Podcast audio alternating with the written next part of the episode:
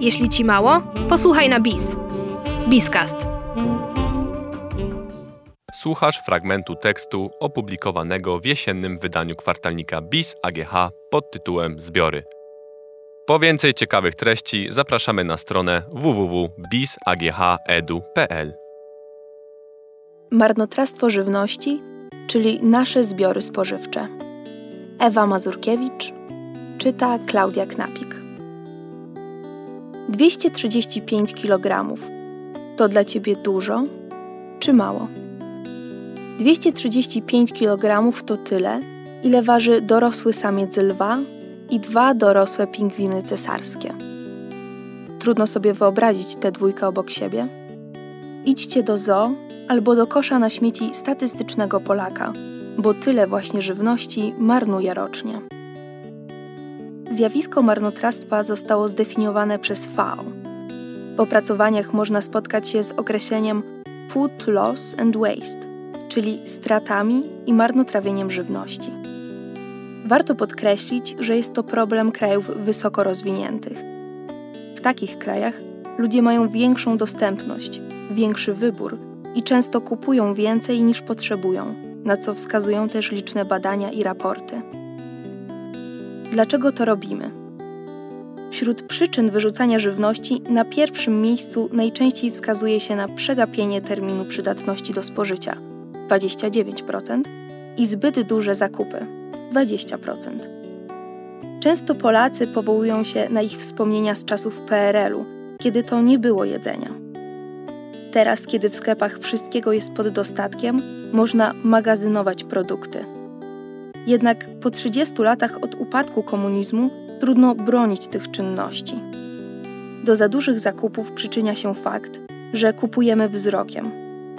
Kryteria estetyczne odnoszące się do akceptowalności żywności która wizualnie odbiega od normy z powodu niedoskonałości wizualnych, takich jak niestandardowy kształt, kolor lub nieznaczne uszkodzenie, przyczynia się do marnotrawstwa.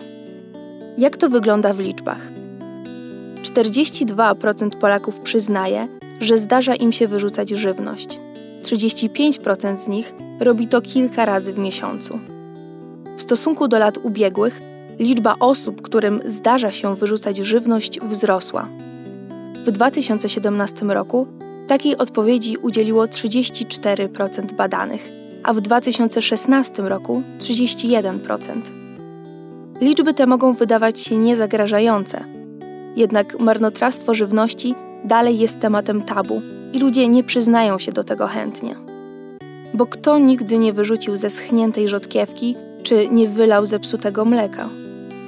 Ważne jest, żeby świadomie kupować produkty, ponieważ najczęściej wyrzucane artykuły spożywcze to pieczywo, owoce, wędliny i warzywa.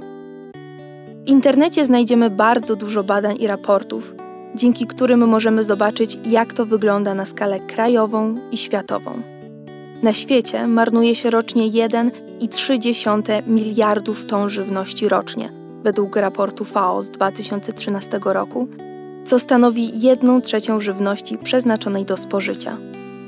Czyli wyrzucamy co trzecie jabłko do kosza.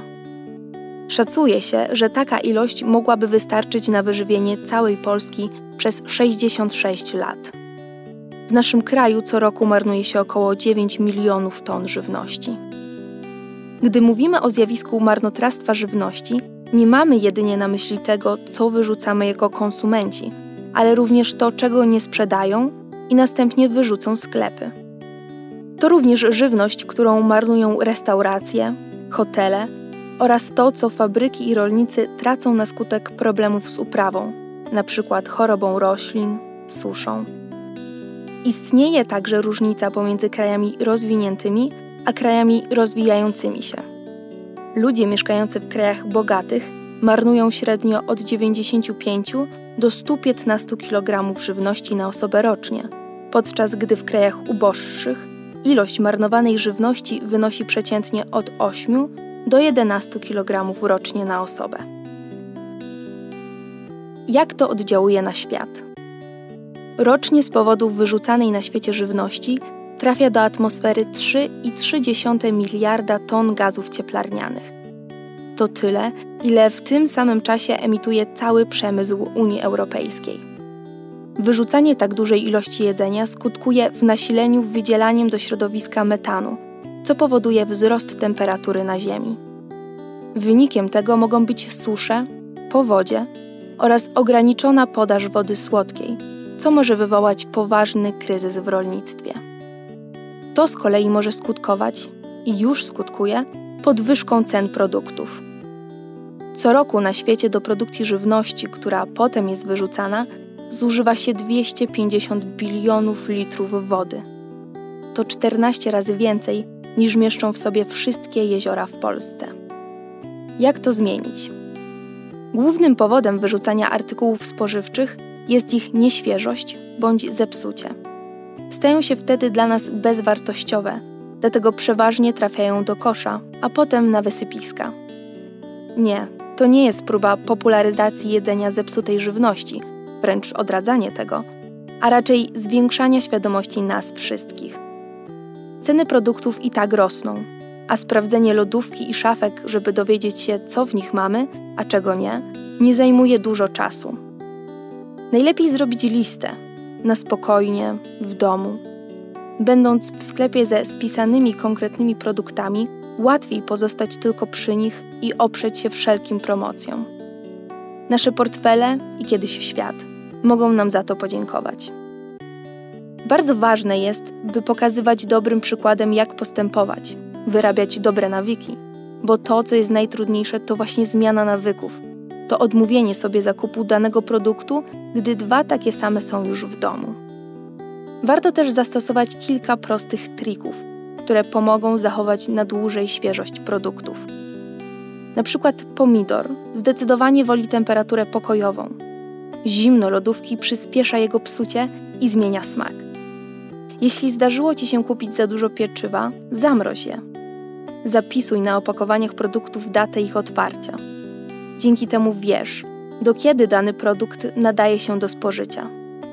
Używaj szklanych pojemników na żywność, ponieważ te nie wchodzą w interakcję z żywnością. Żyjemy w czasach pełnych rozbieżności. Niektóre są cudowne, jak to, że w jednym miejscu stała temperatura wynosi minus 40 stopni, a gdzie indziej jest ona o nawet 80 stopni wyższa. Tragiczną rozbieżnością jest fakt, że 2 miliardy ludzi na świecie dalej cierpi z powodu niedożywienia. Kiedy my wyrzucamy jedzenie, ktoś inny, nie tak daleko od nas, walczy o przeżycie, myśląc, czy jutro będzie miał szansę cokolwiek przełknąć.